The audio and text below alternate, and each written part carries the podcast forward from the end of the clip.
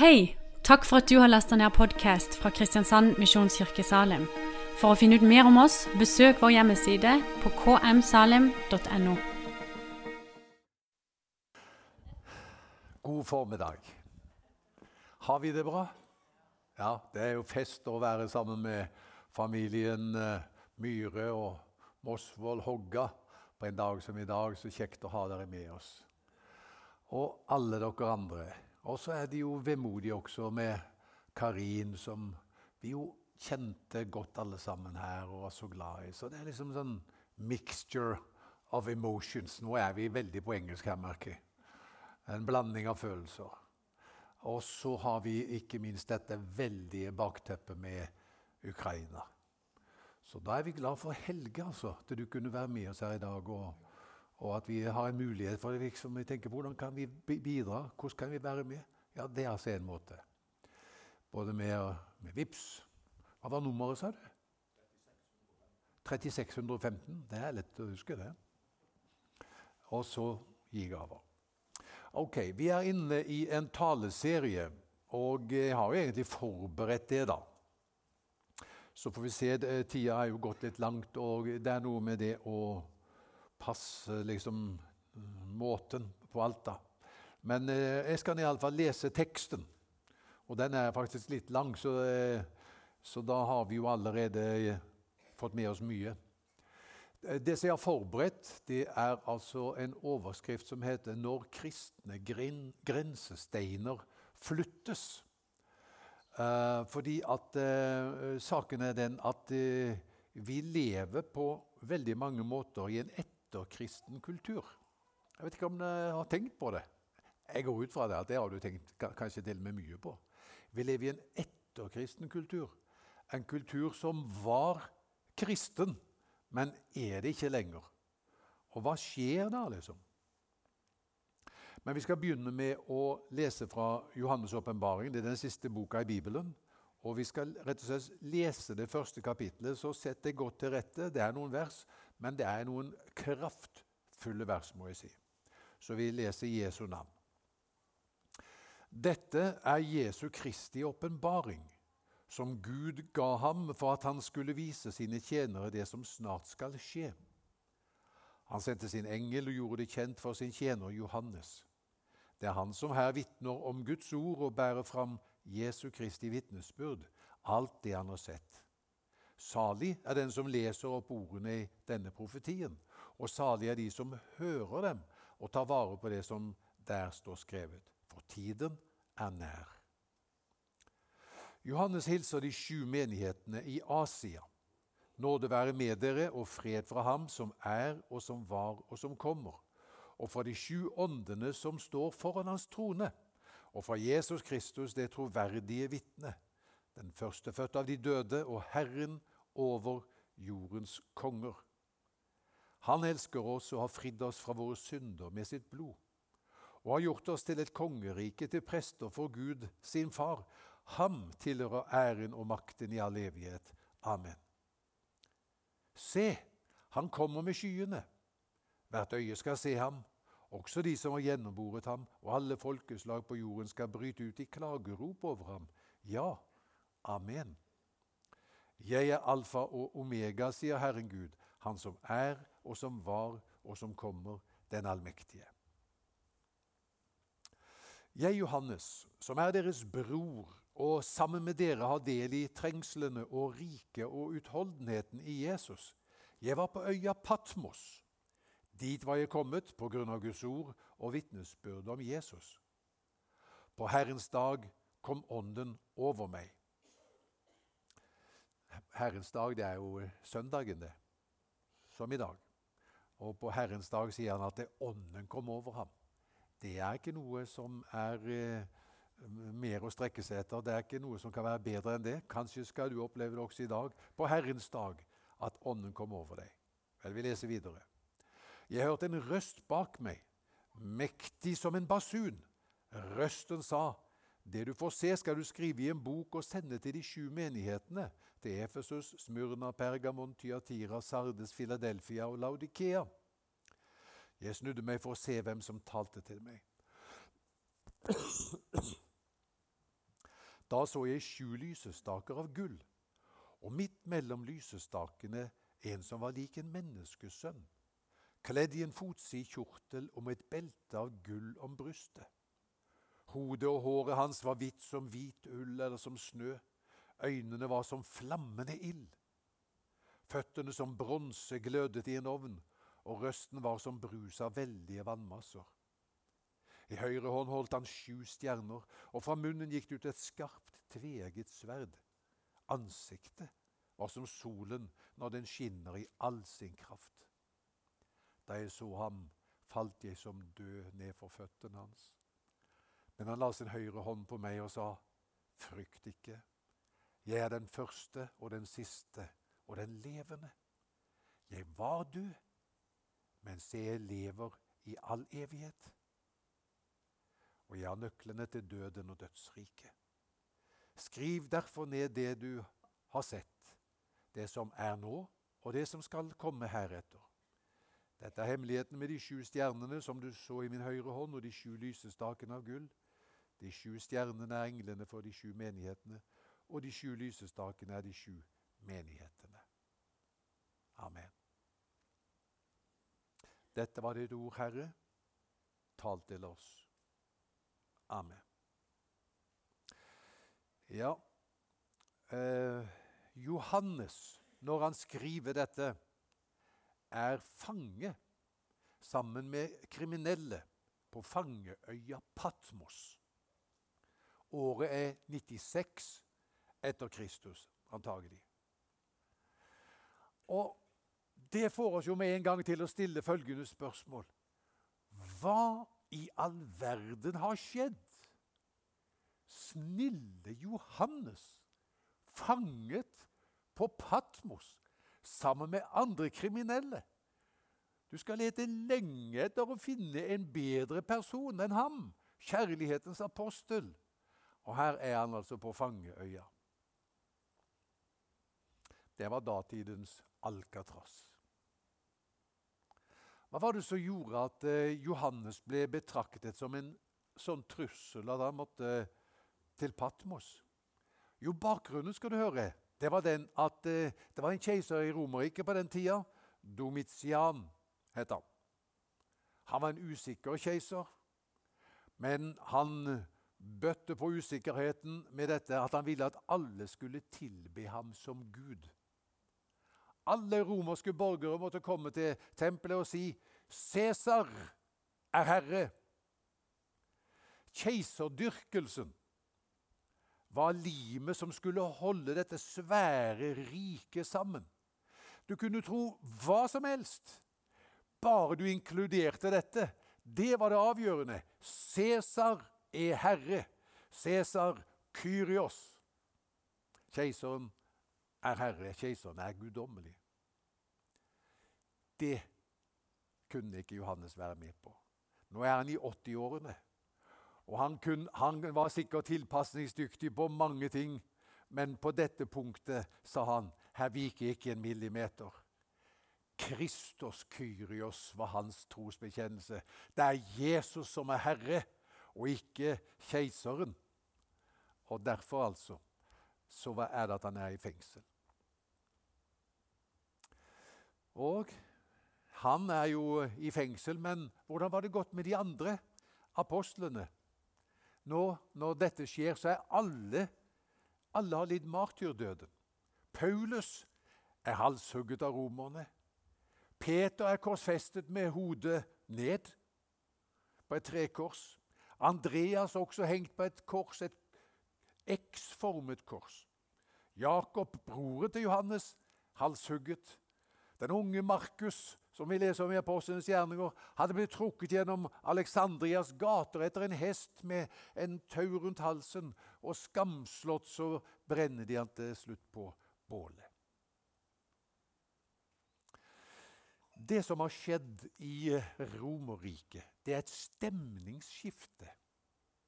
Det er det. Et stemningsskifte. Både blant jøder og hedninger i forhold til kristen tro.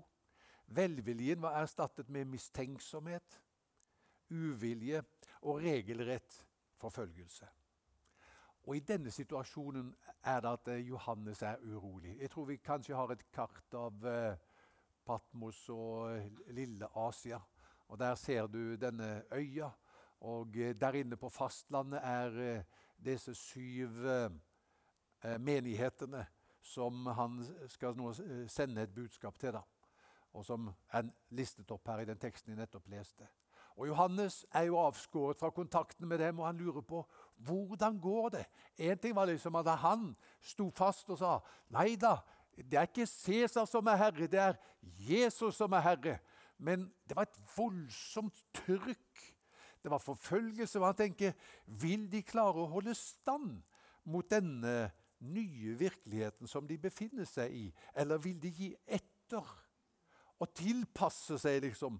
Og sånn at det, at de liksom kan prøve å få et liv midt i en helt annerledes tid enn de hadde tidligere sett. Da. For denne, denne, velviljen som folket til å begynne med hadde, den, som jeg sa, den hadde endret seg. Ok. Eh, jeg har hatt tre studieuker ennå. Noen av dere vet det, at jeg ikke har vært her på talerstolen og, og vært i så mye Salem. og... Eh, Eh, det er slik at jeg har eh, i tre uker studert vekkelseshistorie. Det er inspirerende lesning. Og så har jeg også samtidig lest samtidshistorie, eller prøvd å tilegne meg samtidskunnskap. Og da må jeg si at når jeg holder disse to tingene sammen, leser eh, norsk vekkelseshistorie, ser hvordan det har vært i landet vårt en gang, og sammenholde det med hvordan det er i landet vårt nå, og hvilke krefter som virker i landet vårt nå, så må jeg innrømme at jeg har tenkt hm, Det har skjedd et stemningsskifte i landet vårt. Det har det, dere. På 30-tallet, den siste gangen vi hadde en virkelig stor Vet dere hva vekkelse er? Kan jeg snakke til noen som ikke vet? Hva er vekkelse for noe? Altså, en vekkelse det er det som skjer når Guds folk blir fornyet og liksom den første kjærligheten til Jesus banker hjertet deres. De er fullt av Den hellige ånd. De er ivrige, de er glade, de er frimodige. Og dette smitter på omgivelsene, og mennesker kommer til tro i stort antall. Og Den siste gang det skjedde i Norge, i en betydelig grad, da må vi tilbake til det forrige århundret. og Det behøver jo ikke være så lenge siden, men det er faktisk, vi snakker om 30-tallet, 1930-tallet. Og da var det sånn at Når de da kalte Frank Mangs, som han het, til å komme til Oslo til eh, det som i dag heter Oslo misjonskirke Betlehem. En, og, og, Den gangen lå den i Møllergata, dette lokalet, og der rommet en 600-700 mennesker. Så var det jo allerede på det første møtet sprengfullt. Og Det var en stillhet som gjorde at du kunne ta en knappenål og slippe på gulvet, og du hørte den. Og en atmosfære som er mettet av Guds nærvær. Og de sier til hverandre vi må finne et annet lokale. Så leier de det største lokalet i Skandinavia, Kalmeiergatens misjonshus. Det, der hadde William Boots, Frelsesarmeens grunnlegger, greid å putte inn 5000 mennesker. Så mange var det nok også nå. Og Det kom så mange mennesker på disse møtene at de sa vi må begynne med spesialmøter. Vi må ha møter for folk under 35. Øvre aldersgrense er 35 år. Du får ikke komme på møte hvis du er eldre enn det. Altså på noen av møtene fylle lokalene.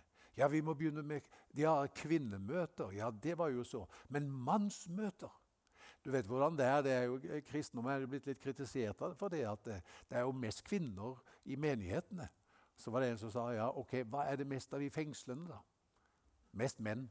Så der er et poeng til jentene der. Men når de hadde mannsmøter, så var det like fullt. Og det er en atmosfære over landet vårt som gjør at det er samtaletema på gatene. Og hvis du spør trikkesjåføren, for du er litt usikker hvor er disse møtene For de gikk over til teltmøter også på Majorstua.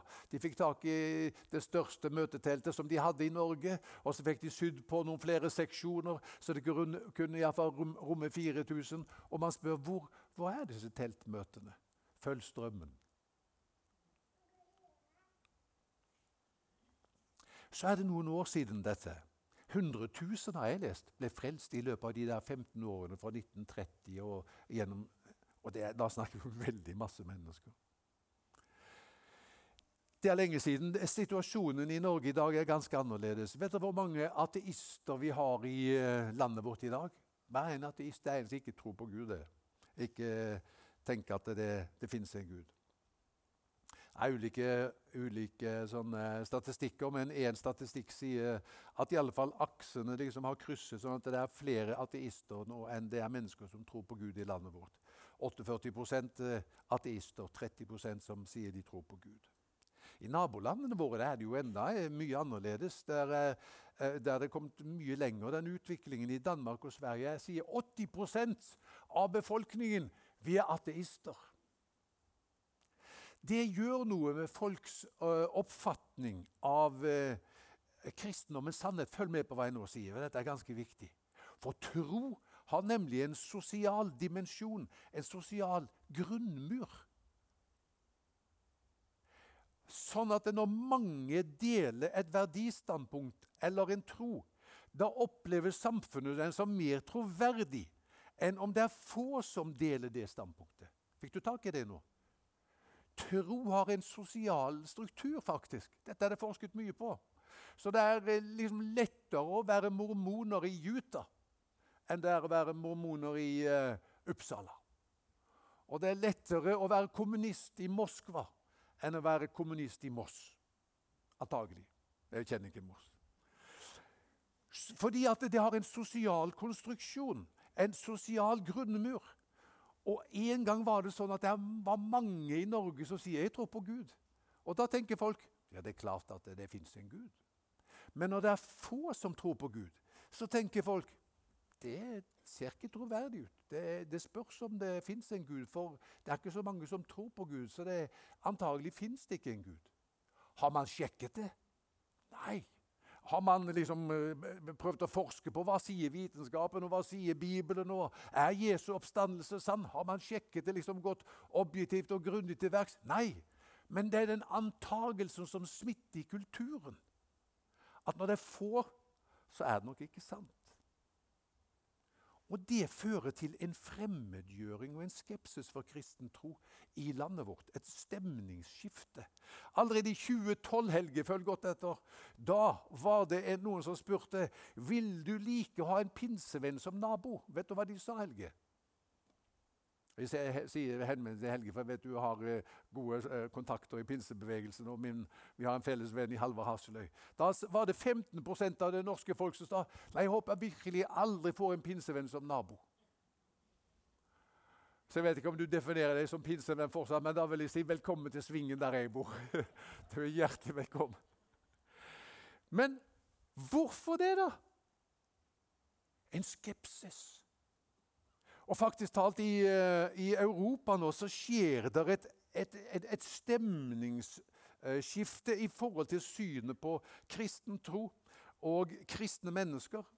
Eh, eh, nå kan jeg ikke ta alt jeg hadde tenkt å si om det, men bare legg et lite sitat. Det er en gradvis jeg tror du får det på veggen nå, innskrenkning av grunnleggende rettigheter som ytringsfrihet, religionsfrihet, samvittighetsfrihet, avtalefrihet og foreldrerettigheter. Vi ser at kristne blir tvunget til å velge mellom sine moralske verdier og jobben sin. Skjer det i eh, Kristiansand i dag? Yes. Kristne studenter og foredragsholdere blir kneblet på studiestedene. Skjer det i Kristiansand i dag? Yes. Foreldre som ble utsatt for overdreven statlig innblanding i familielivet, og asylsøknader for kristne flyktninger som blir vilkårlig avvist. Har vi sett det, Hammed? Vi har sett det. Derfor har vi også i Finland en som heter Peivi Resenin, som er stilt for retten fordi hun har lest fra Bibelen. Og I Sverige har vi en svensk jurist som heter Ruth Nordstrøm, niesen til Egil Svartdal, som er svartelistet fordi hun forsvarte to svenske jordmødres rett til å nekte å delta ved abortinngrep. Det kalles for cancel culture. Har du hørt om det? Cancel culture, det er utestengningskultur. Det betyr at eh, man tenker hvis du mener noe annet enn det som er mainstream i dag, så nytter det ikke å diskutere. Da må vi bare dysse disse røstene ned, tenker man. Og så stenger man dem ute fra de plattformene der man har en mulighet. Jeg har ikke tid til å gå mer inn i dette, for det er, det ganske alvorlig. Men hvordan oppleves dette da for oss da som kristne i Norge i dag? Når jeg snakker med pastorer og kristne ledere, så er det ett stikkord som går igjen. Kjenner du ordet marginalisering? Marginalisering det betyr at du opplever at eh, en gang så var kristentroen liksom, det var noe som var verdsatt, og det var, liksom, hadde posisjon, men i dag er det ute i periferien. Og eh, man sier da eh, til kristne i dag, og dette er tidsånden Du må gjerne ha en tro, men hold den for deg selv. Du må ikke ta den med på arbeidsplassen. Like som du henger av deg jakka på knaggen før du går inn på kontoret, så henger du fra deg troen din. Det offentlige rom nemlig, det er nøytral sone. Hvordan var det igjen med dette biblioteket på Lindesnes? Ja, det var noen kristne som hadde hatt møter der i mange år. Men eh, biblioteket er jo nøytral sone. Så en stund så var det sånn at eh, det ble sagt til dem nei, dere kan dessverre ikke være med her lenger, for dere har et verdistandpunkt. Nå tror jeg de angret på det, men, så de vel, jeg tror de har fått lov å komme tilbake. Men det er liksom noen signaler som vi ser. Ok, vet, vet du hva? Eh, vi kunne uh, fortsatt mye, men jeg skal gå inn for landing med å peke på hva Johannes får se. For som jeg sa, Johannes han ser et uh, tidsskifte i uh, i sin samtid. Og, og, når vi studerer vår egen samtid, så ser vi også et sånt klimaskifte. Og Da er det at Johannes får se en åpenbaring av Jesus. Det er det jeg har lest her da. Og eh, Denne åpenbaringen av Jesus den endrer alt for Johannes. For nå inviteres han til å se på nåtiden i et lys av framtidens usette realiteter. Og så dette kan du bare vente litt med det bildet, så kommer vi tilbake til det. Harald. Og Så inviteres han til å se på nåtiden også i lys av nåtidens usette realiteter. Og det er budskapet mitt til dere nå helt på tampen. Det er det. Når vi ser oss omkring i verden i dag, og vi, og vi ser på liksom det som skjer Nå, er, nå har jeg beskrevet liksom noen trekk i samfunnet vårt og så har vi Ukraina som det store bakteppet, så er det viktig at vi ser på det i lys av framtidens usette realiteter. Hva er framtidens usette realiteter? Jesus kommer tilbake. Han kommer tilbake for å opprette en ny himmel og en ny jord. Og det er utrolig hva vi mennesker kan eh, gå igjennom hvis vi bare vet at det blir en ende på det. Så Johannes vil si til også oss i dag lev livet i dag i lys av dette at eh, Jesus kommer tilbake. Hvordan var det de slavene i Amerika sang? We shall overcome. We shall overcome.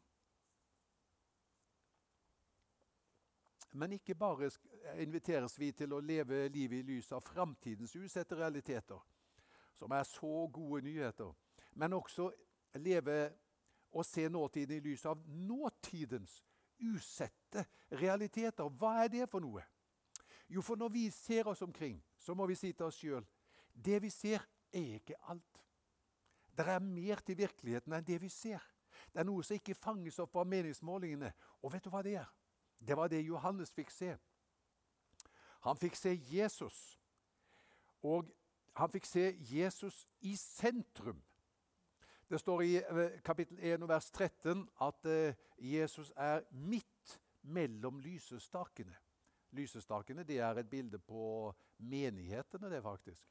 Og Jesus er midt i menighetene. Hvordan tenker du om det i dag? Eh? Hvordan syns du det ser ut i menighetene? Vel, sannheten er Jesus er midt i menigheten. Men ikke bare er han midt i menigheten. Det står i, Legg merke til det verset i Johannes' åpenbaring kapittel 5 vers 6. Der står det om Jesus. Han beskrives som et lam. Og jeg så et lam som sto midt på tronen. Hva er det? Det er Guds trone. Hva er Guds trone? Det er universets sentrum, dere. Så når Jesus møter Johannes, så taler han til dem fra midten av alt. Midten av menighetene, ja. Men også midt på tronen. Det er universets midtpunkt, Guds trone. ikke sant? Så Jesus er plassert i sentrum av alt. Og Det betyr at marginalisering, som, som vi tenker, at det, liksom, det er vårt hovedproblem. At vi er kanskje gått ut på dato, til og med, kanskje noen føler på det, og er uinteressante i vår samtidskultur. Det er ikke virkeligheten. For ting er ikke sånn som de ser ut. Sentrum av alle ting er Jesus. Det er de som ikke er synkrone med det samme, sanne sentrum, som er marginaliserte. De som ikke er overgitt til Jesus og tror på Jesus, de er på feil side av historien. Så de første kristne, dere, de eh, hadde en stor innflytelse i Romerriket. Selv om det nå var forfølgelse, så vet vi at, eh, at de ble stående. Fordi de levde ut fra det sanne sentrum, som var Jesus. Åh, det er viktig. Vi kan tenke på Hva tenker du er det viktigste i, eh, i, eh, i vårt samfunn? Hva ser du for deg som det viktigste? Noen vil si De viktigste institusjonene det er Stortinget, regjering, Norges Bank, Universitetet i Agder, uh, Fedrelandsvennen, mediehusene, kulturlivet, underholdningsbransjen. Det er jo det som definerer livet. Og så kan vi da tenke Hvis vi da vi er marginalisert i forhold til dette, og hvordan skal vi da liksom komme på banen igjen? Må vi tilpasse oss dette, da? Må vi tilpasse oss røstene fra det politiske livet og kulturlivet og mediehusene? Da er løpet kjørt. Vi ser nok en utvikling også der hvor kristne i noen grad gjør akkurat det. Prøver å tilpasse seg eh, samtidskulturen for å ikke være marginalisert. Men i sentrum av alle ting er Jesus. Og det er de som ikke for evig er knyttet til ham, som for evig er utgått på dato. Ser du det? Så jeg har bare lyst til å, å oppmuntre dere i dag, når vi ser alt dette skjer eh, rundt oss. Si det til Jesus. Jeg forstår. Du er universets midtpunkt. Jeg vil tilhøre deg. Jeg vil bøye kne for deg. Jeg vil leve livet sammen med deg. Alt det som i dag synes å være sånne kraftige faktorer som, som er avgjørende, vil være fotnoter i framtiden. Fordi det er du som tilhører historien. I, i uh, den engelsktalende verden vet du, så sier man uh, at history, det er his story. Det er hans historie. Og vi beveger oss mot den avslutningen som han har sagt skal komme. La oss be. Ja, vi priser deg, Herre, for at vi får lov å tro at virkeligheten er større enn det vi kan se med våre øyne. Takk at du er i midten av alt. Takk at du er i sentrum, Herre. Ikke bare i menighetene, men også der du taler til Johannes fra midten av tronen. Takk at eh, vi får lov å tro på deg og legge livene våre i din hånd. Og så får vi be om at ditt rike skal komme, og din vilje skal skje. Som i himmelen, så òg i våre liv. Amen.